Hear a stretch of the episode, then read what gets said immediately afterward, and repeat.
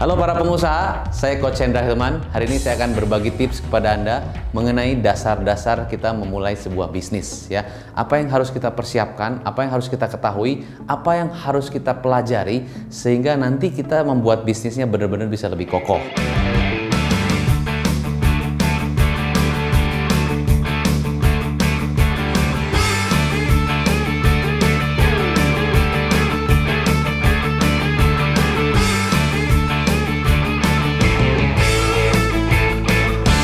Saya ibaratkan bisnis itu sebuah pohon, ya kan?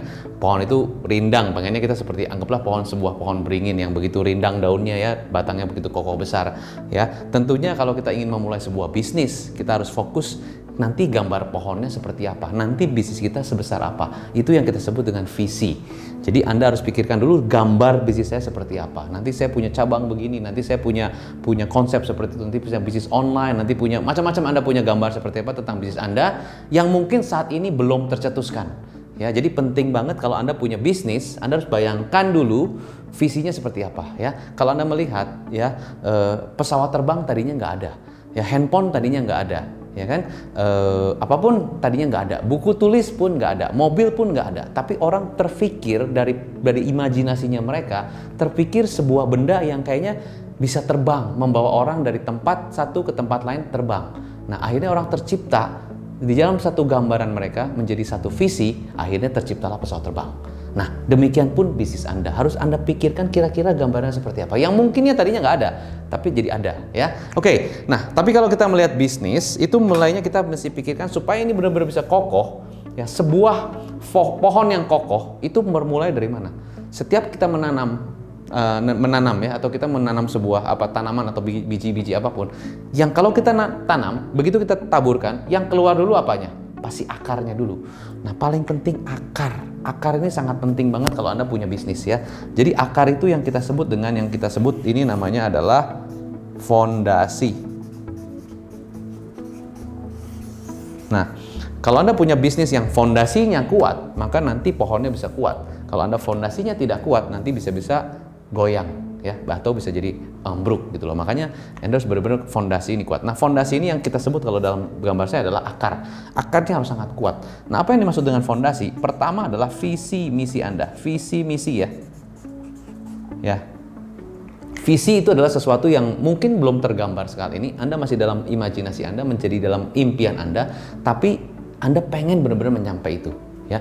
Misalnya ada satu contoh salah satu bisnis pengusaha zaman sekarang ya belum terfikirkan bagaimana konsep bisnis yang secara online bisa me, bisa me, mengakses ke seluruh orang di seluruh dunia. Itu kan tadinya nggak ada tapi jadi ada. Nah itu mulainya dari visi. Nah visi itu adalah sesuatu yang tidak ada jadi ada ya.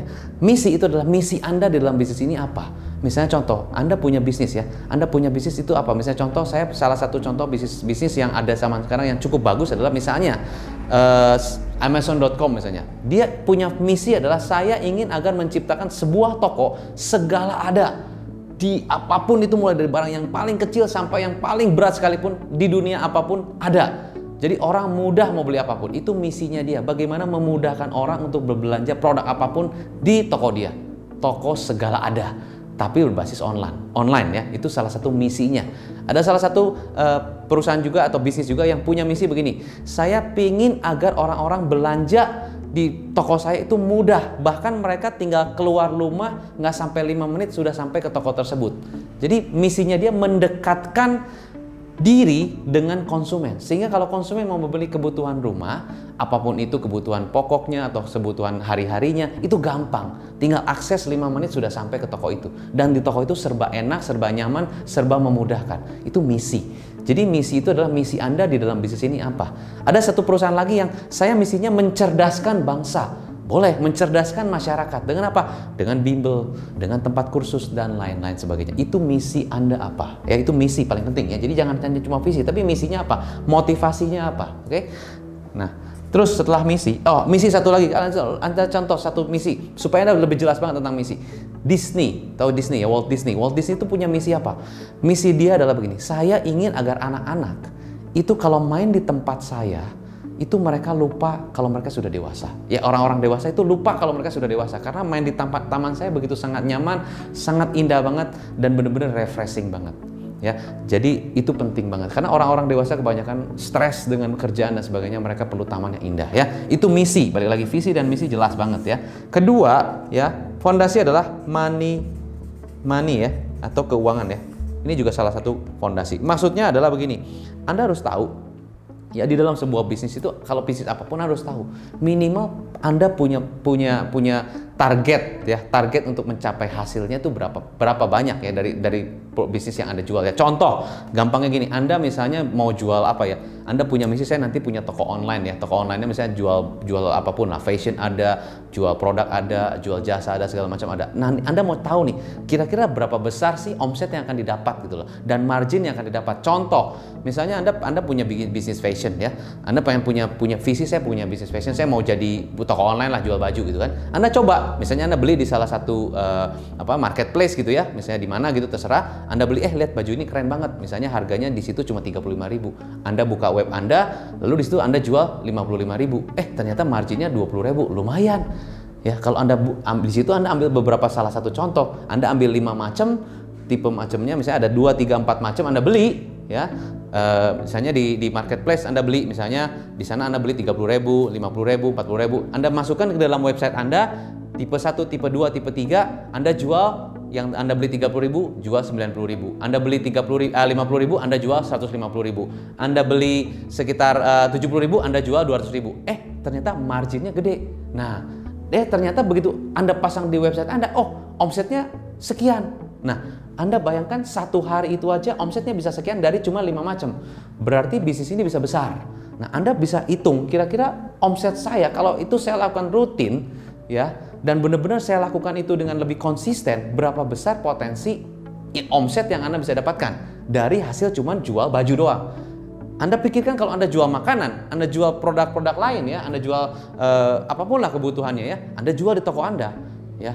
Anda berapa, berapa persen peningkatannya? Belum Anda kalau jual jasa dan sebagainya. Jadi Anda harus pikirkan kira-kira untuk keuangan ini berapa banyak atau berapa potensi uang yang bisa didapatkan dari hasil produk Anda. Kalau Anda di produk jasa, Anda pikirkan jasa yang Anda lakukan. Contoh, misalnya Anda jasa apa? Jasa melakukan, misalnya Anda Anda misalnya melakukan servis untuk misalnya Anda uh, jago elektronik begitu ya, Anda jago komputer, Anda melakukan teknisi, jago uh, di komputer, Anda elektronik. Nah, Anda uh, bantu teman Anda yang saat ini punya masalah di dalam uh, ke, uh, bisnis mereka, di dalam komputer mereka ya, punya Anda benerin, ternyata setelah bener, eh komputernya bener.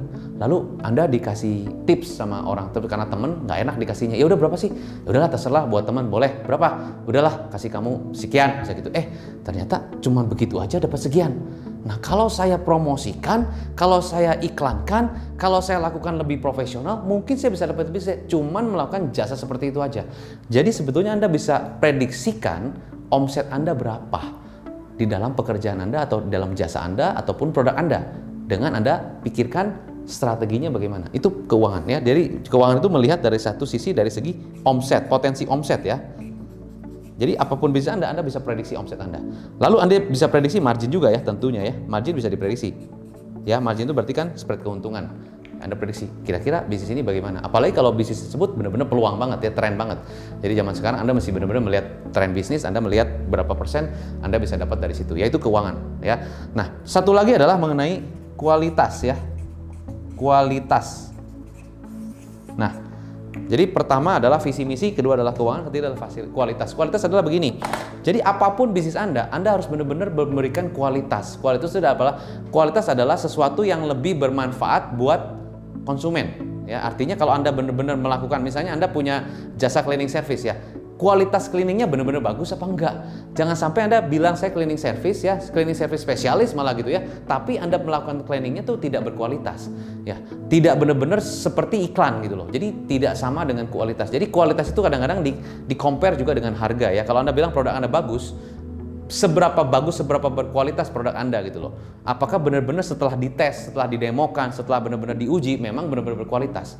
Nah ini penting banget ya. Jadi Anda benar-benar harus kuasai kualitas yang memang apa sepadan dengan dengan Anda punya uh, harga ya. Artinya benar-benar kualitas. Jadi kualitas itu bisa bisa disesuaikan dengan harga. Jadi artinya adalah orang kadang-kadang pengen melihat dengan kualitas ini saya mendapatkan hasil seperti apa ya. Jadi kualitas itu disesuaikan dengan harga. Contohnya kalau Anda misalnya lihat naik pesawat ya, Anda kalau bayar pesawat yang misalnya Singapore Airlines pasti harganya lebih mahal, tapi kualitasnya berbeda. Mereka punya in-flight eh, TV on demand ya. Tapi kalau Anda bayar uh, budget airline, mungkin harganya lebih murah, tapi kualitas di dalam pesawat sama. Ya kenyamanannya sama, ya kan, kecepatannya sama, ya kan, secara fungsional sama. Nah, itu kualitas juga. Jadi kualitas itu adalah bagaimana Anda bisa memberikan sebuah pelayanan ataupun hasil dari produk Anda benar-benar sesuai dengan apa harga yang Anda berikan kepada konsumen. Jangan sampai anda memberikan harga tinggi tapi kualitasnya tuh di bawah standar. Itu orang akan kecewa. Ya, jangan sampai Anda memberikan janji-janji surga. Dan kualitas harus konsisten. Artinya kalau Anda misalnya contoh Anda punya restoran Padang begitu ya, kualitas dari segi makanannya harus sama. Jadi kalau Anda restoran Padang, Anda uh, kualitas makanan pagi, kualitas makanan sore hari, kualitas makanan malam hari memang rasanya seperti itu, sama semua, ya kan? Jadi jangan sampai pagi pas kebetulan masih seger nih, ayamnya enak. Begitu sore, wah uh, mungkin lebih capek segala macam, masakannya sedikit kurang uh, bumbu dan sebagainya. Nah, itu berarti tidak konsisten. Nah, itu pun kualitas. Nah, jadi Bapak Ibu sekalian para pengusaha, saya akan lanjutkan di tips saya kedua mengenai dasar-dasar bisnis untuk kita membangun sebuah bisnis yang kokoh.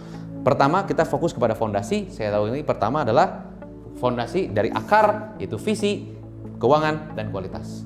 Nah, Bapak Ibu sekalian, terima kasih setelah menonton video saya. Semoga tips ini bisa bermanfaat bagi perkembangan bisnis Anda dan bisnisnya semakin maju, semakin sukses. Saya Coach Hendra Hilman, terima kasih, salam pengusaha.